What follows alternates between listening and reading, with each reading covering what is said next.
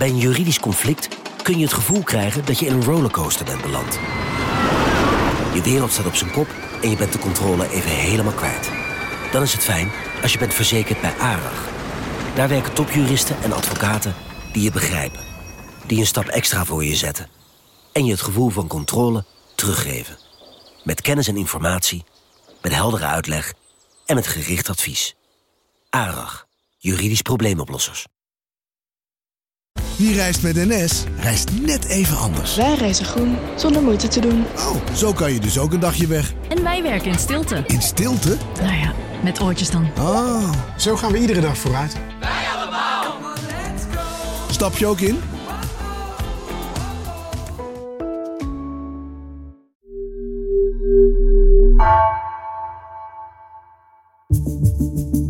Vanaf de redactie van NRC het verhaal van vandaag.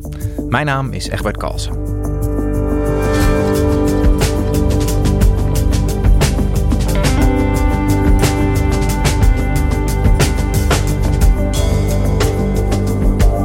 Het is onrustig in de cryptowereld.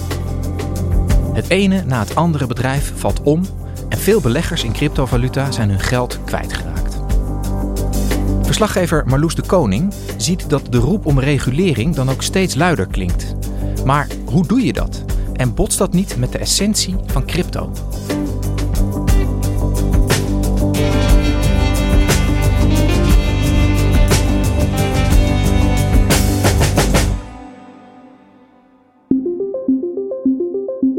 Ik was eh, begin november in Lissabon, omdat daar een enorme tech-conferentie was, de Web Summit. Uh, 70.000 mensen in een uh, beursgebouw. Super druk, heel veel ondernemers, heel veel programmeurs, allemaal appontwikkelaars. En uh, er was één hoofdgast en dat was uh, Chungpung Zhao. Eigenlijk wordt hij altijd uh, CZ genoemd, de naam die hij zelf ook gebruikt op Twitter. zijn voornaamste ja, megafoon, zeg ik maar even. Hij heeft daar meer dan 7 miljoen volgers. Ik had ook een interview aangevraagd, maar ja, wij zijn daar een beetje te klein voor. Um, maar hij was wel een paar keer te zien. Dus onder andere tijdens de openingsshow en tijdens een, uh, een vraag- en antwoordsessie met het publiek. What a turnout. Uh, this is fantastic. Uh, welcome to our Q&A stage and welcome to Web Summit 2022. Back at it in full swing. Nou, dat was super druk. Dus je werd echt gewoon gedrongen om de weinige zitplekken. Ik zat zelf op de grond om te kijken. Um, our next speaker uh, is the CEO of Binance, which is the world's biggest crypto trading, cryptocurrency trading. So, without any further ado, please put it together for CZ. How are you, CZ? Good, good. How are you? Great. Yeah, it's great to have you here. Oh. En uh, ja, dat waren vooral dus ook ja, heel veel appontwikkelaars die heel graag zijn aandacht wilden om een keer hun bedrijfsnaam genoemd te hebben of zijn advies te krijgen. So hi CZ, my, my name is Bruno Ver, CEO of uh, Niftify, a fellow company like yours, a little bit smaller. and when are we talking? Um, well, we can talk right afterwards. awesome. Dus ja, je kon echt heel goed merken dat hij heel invloedrijk is geworden en dat hij gezien wordt als een, als een machtig iemand die ook andere bedrijven ja, eigenlijk wel kan maken of breken, denk ik. Ja, Marloes, een, uh, je beschrijft bijna een, een, soort, soort held, denk ik, hè, in de, in de cryptowereld. En iemand met hele grote sterrenstatus, Chungpeng Zhao, uh, CZ. Wie is hij? Ja, CZ, zoals ik hem dan ook maar even noem, want het is wel makkelijker, is een van de machtigste mensen nu in de cryptowereld. Omdat hij een bedrijf heeft wat de meeste transacties eigenlijk in crypto's afhandelt. Binance, dat is een handelsplatform. En dat is op dit moment ontzettend uh, spannend, want een van zijn uh, concurrenten is bijvoorbeeld recent omgevallen en dreigt ook weer andere bedrijven mee te sleuren. Okay, so I don't think there's any debate. We are in the middle of a crypto winter. How cold does it get and how long does it last? Uh, Bitcoin and other cryptocurrencies are falling to lows not seen in a couple of weeks. Oh, yeah. the FTX token has fallen by double digits. Everything is in the red. It does make you wonder if there could be a further shakeout, if there's anyone left uh, to shake out at this point. En dan wordt er dus ook met argusogen gekeken naar zo'n grote speler of hij wel overeind blijft. En, en uh, waarom ben jij naar die beurs in Portugal toegegaan?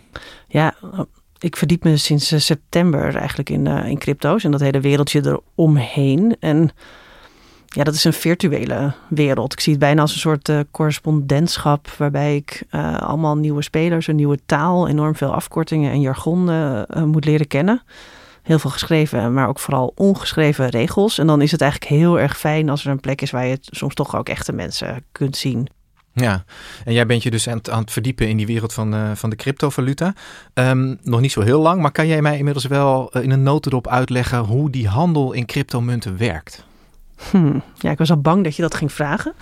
Want uh, ten dele ja, ben ik dat ook nog echt aan het ontdekken. En het is complex en er woeden ook allerlei definitiediscussies. Maar um, ja, ik zal een poging wagen.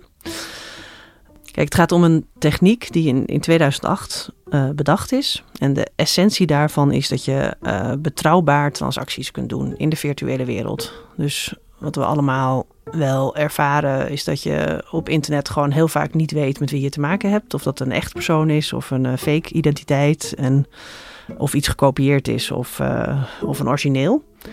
En daar is een oplossing voor bedacht. Een, een techniek waarbij er uh, eigenlijk een hele betrouwbare database wordt aangelegd. Waarop transacties kunnen worden vastgelegd. En zonder dat je daarbij afhankelijk bent van bijvoorbeeld één instantie die dat beheert. Of een, of een notaris of een centrale bank of iets dergelijks. Nee, dat gebeurt door allemaal samenwerkende computers. En die computers doen dat ook niet uh, vrijwillig. Er is een, een, een prikkel ingebouwd dat je als je meewerkt, dus als je jouw computer inzet om transacties uit te voeren, te controleren en aan die database toe te voegen, dat je daar dus iets voor kunt krijgen. Namelijk een nieuwe uh, cryptomunt of uh, token. Dus daarmee word je beloond, zeg maar, voor je werk aan die database, aan het systeem. En die tokens zijn verhandelbaar. En daar is dus een enorme handel ook in ontstaan. En er zijn ook heel veel verschillende van die databases en heel veel verschillende van die tokens. En, en hoe meer het gebruikt wordt en hoe meer het verhandeld wordt, hoe hoger de waarde ook weer wordt. Dus daar heeft dan iedereen onderling belang bij. Dus, dus Binance is eigenlijk een bedrijf wat gebouwd is op die basis, op die techniek wat jij zegt van die onderling samenwerkende computers. Ja, ze gebruiken die techniek en, en, die mogelijkheid om, om te handelen. En, ze, en wat eigenlijk hun succesformule is, zeg maar, is dat ze dat heel toegankelijk hebben gemaakt. Dat ze een, een app hebben waarin heel veel van die verschillende tokens beschikbaar zijn. En waar je heel gemakkelijk tussen de een, de een voor de ander kunt ruilen. En, en uh, met geld van je gewone bankrekening bijvoorbeeld crypto tokens kunt kopen en vice versa. Ja. En daar was een enorme vraag naar. Ja, precies. Want we hebben de afgelopen jaren eindeloos veel gehoord over, over de cryptovaluta's, over, over de bitcoins en zo. Um, vaak verhalen over uh, kijk eens hoeveel het allemaal waard is geworden. Maar juist de laatste maanden is er eigenlijk best wel veel gedoe in die hele cryptowereld. Hoe, hoe zit dat? Nou, het is dan denk ik handig om, om een onderscheid te maken uh, tussen die techniek die ik net uitlegde en al die bedrijfjes. Dus Waar we het niet over hebben is het falen van de techniek. Dus het is niet zo dat uh, iemand die database heeft gehackt bijvoorbeeld, of dat daar uh, een bug in zit. Uh, maar het gaat om al die bedrijfjes die daar bovenop gegroeid zijn, die er een totaal zootje van hebben gemaakt. En allerlei regels hebben overtreden die in de, ja, de normale financiële wereld zeg maar wel opgaan. ja, daar hebben zij zich niet aan gehouden. En nu valt de een naar de ander om. Ja, dus de techniek staat, uh, alleen er zijn bedrijven op die techniek gaan bouwen en die hebben er een puinhoop van gemaakt. Kan je daar een voorbeeld van noemen? Nou ja, het meest recente voorbeeld is FTX. Is this the Lehman moment for crypto? That's the question some in the industry are now asking as leading cryptocurrency exchange FTX faces bankruptcy. It was valued at 32 billion dollars in January and now investors risk losing it all. En wat die uh, gedaan hebben is, uh, uh, is ja, ze hebben eigenlijk een, een zelf gecreëerde munt, dus hun eigen muntje ook weer op de balans gezet als, als dekking voor ander geld. En ook om, uh, hè, om, om te kunnen uitgeven en te kunnen lenen. Waarmee ze in feite ook bijvoorbeeld 8 miljard eigenlijk gewoon verzonnen hebben. En wat ze ook hebben gedaan is dat ze een gat op de begroting bij een ander bedrijf, een, een zusterbedrijf, um, hebben gedicht met, met geld van klanten. Dus mensen die geld op hun handelsplatform hadden gezet omdat ze daar crypto's mee wilden kopen. Dat geld is uh, gewoon naar een ander bedrijf uh, verdwenen dat een probleem had. Ja, en dat zijn ze dus nu waarschijnlijk al kwijt. En dat FTX was een grote speler. Uh, die zijn nu omgevallen. De, Binance is ook een hele grote speler. Hoe, hoe, hoe hebben die daarop gereageerd? Ja, dat was eigenlijk wel grappig, want ze, ze golden lang als, als soort tegenpolen eigenlijk. dus FTX was een beetje de Amerikaanse knuffelbeer. En dan gold Binance als, ja, als de dark horse, als een beetje degene die minder benaderbaar en minder grijpbaar was. Maar dat is nu omgekeerd, want uh, toen FTX uh, omviel, toen uh, heeft de baas nog een noodtelefoontje gepleegd naar CZ van heb je alsjeblieft geld? Why don't you take us back if you could to when you first got the call from Sam and you first had a chance to look at the books. What did you see? Yeah, I think um, I got a call from Sam 24, 48 hours after I made a tweet. And then um, he wanted to talk. En toen heeft hij uh, even in eerste instantie gezegd: Ik wil wel kijken. En een dag later, na een blik op de boekhouding, van nee, jongens, dit uh, gaan we niet doen. Um, and um, uh, at that point, um, it's clearly that he lied to his users, his investors, his VC investors. Um, his employees. So we didn't go very far. En dat was echt uh, de genadeklap. Dus hij, hij doorzag eigenlijk de puinhoop die bij FTX uh, was geworden. Ja, wat geloof ik niet heel moeilijk is hoor. Want het, uh, we hebben het echt zo ongeveer over een boekhouding op een bierveeltje. Ja, ongelooflijk dat daar dan zoveel geld uh, in omgaat. op zo'n wankele basis zou je kunnen zeggen. En, en als ik jou goed begrijp, heeft, heeft, met het omvallen van FTX, heeft Binance en CZ hebben daar eigenlijk gewoon belang bij. Ja en nee, zeg maar. Dus is een concurrent weg, zou je kunnen zeggen, waardoor hun marktaandeel nog is vergroot. Maar ik denk uiteindelijk dat ze er geen uh, belang bij hebben. Want wat je ziet is dat er zoveel vertrouwen uh, vertrokken is uit die markt. Dat zoveel mensen denken van, oh, als zelfs FTX omvalt, dan weet je wel, wat kan er dan nog meer gebeuren? Dan, dan is je geld dus niet veilig in de crypto's. En dat is heel slecht voor, voor de groei, als het ware, van, van dat industrietje. En dus uiteindelijk denk ik ook voor Binance, ook al zijn ze nu zo groot en zo machtig en, en is er een concurrent verdwenen. Dus Binance uh, staat overeind. Is een van de weinige grote spelers die nog over is op dit moment. Tegelijkertijd er zijn ook een heleboel consumenten die gewoon een heleboel geld zijn kwijtgeraakt op die, uh, op die cryptovaluta-markt. Hoe zit dat eigenlijk met de bescherming van consumenten in deze cryptowereld? Ja, die is er bijna niet. Dus ze hebben, ze hebben gegokt en uh, verloren. En sommige mensen ongetwijfeld flink verloren. Er is bijna geen regelgeving dat uh, overheden lopen, uh, nou ja, zoals altijd natuurlijk, maar met regelgeving aan achter uh, nieuwe ontwikkelingen. En die gaan in dit wereldje razendsnel. En wat je wel ziet is dat, omdat 2021 echt een soort hypejaar was, waarin iedereen zat thuis, het was corona, iedereen had dollartekens in zijn ogen en probeerde met crypto's rijk te worden. En toen zijn ook heel veel overheden um, ja, wel extra wakker geworden en hebben gedacht van ho, ho, ho, wacht even dit gaat wel heel hard, hier gaat wel heel veel geld in om. Dus op allerlei plekken is een begin gemaakt met, met regelgeving. Europa is daar eigenlijk het verste in. Daar is sinds deze zomer ook een, uh, een, ja, een wet aangenomen um, die in 2024 van kracht wordt. Waarbij uh, ja, cryptobedrijven en ook handelsplatformen wel gereguleerd worden. Maar dat is dus allemaal nog niet van kracht. Ja, hoe, hoe staat Nederland er wat dat betreft in als het gaat over die cryptovaluta?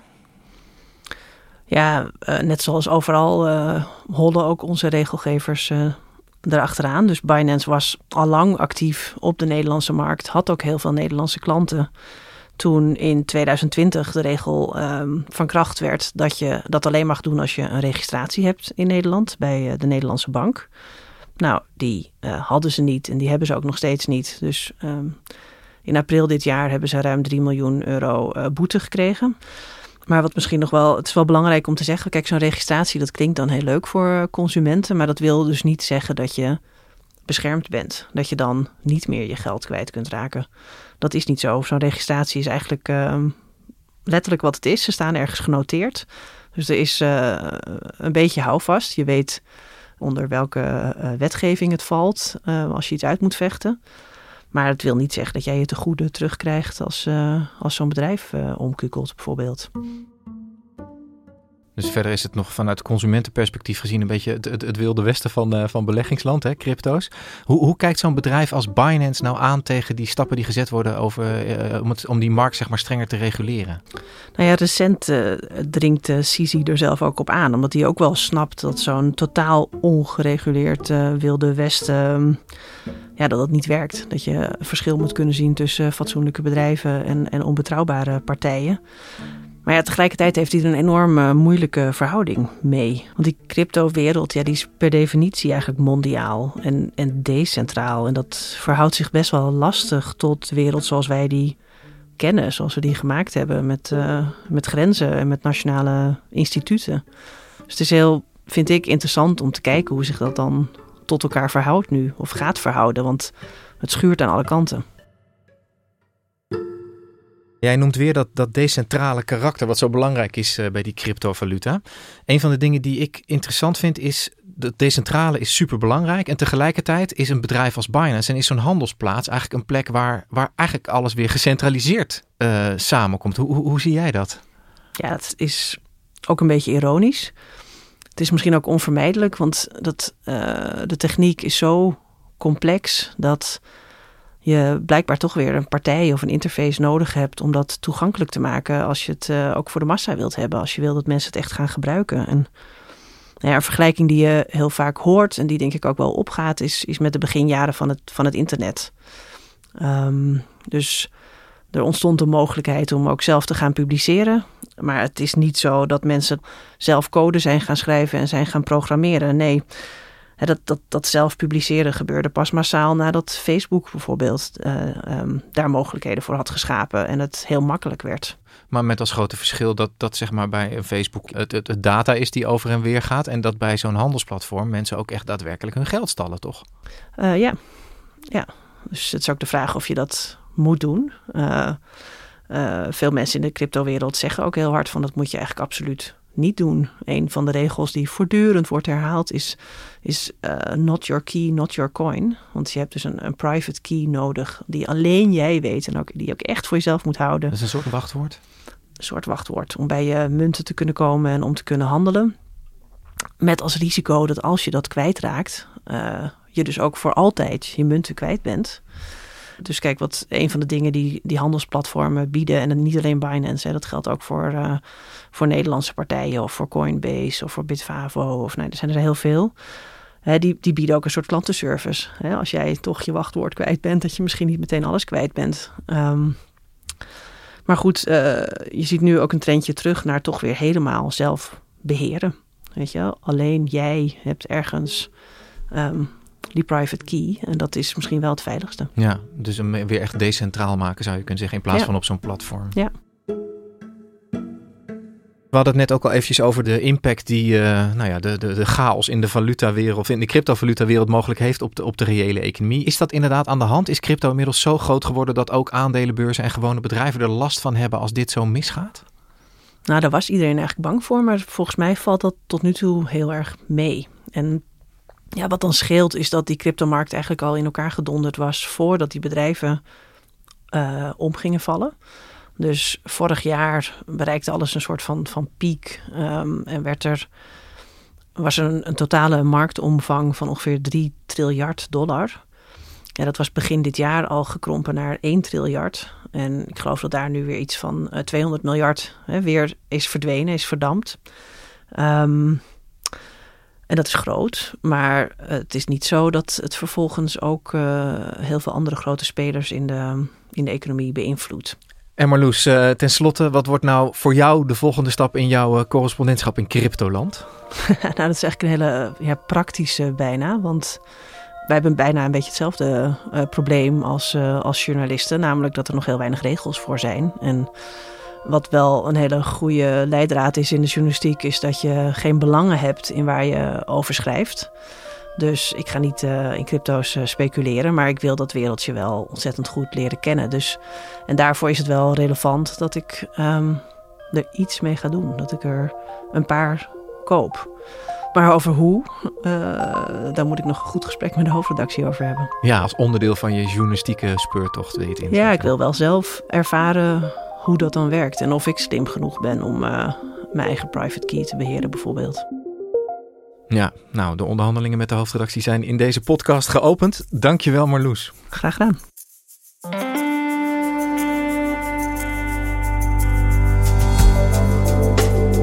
Je luisterde naar vandaag, een podcast van NRC. Eén verhaal, elke dag. Deze aflevering werd gemaakt door Tessa Kolen en Gal Tsadokhai. Dit was vandaag. Morgen weer.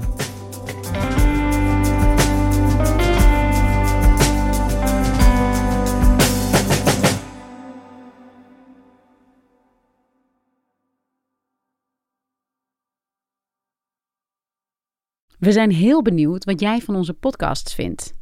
Je helpt ons enorm door een korte vragenlijst in te vullen op nrc.nl/slash podcastonderzoek. Dankjewel.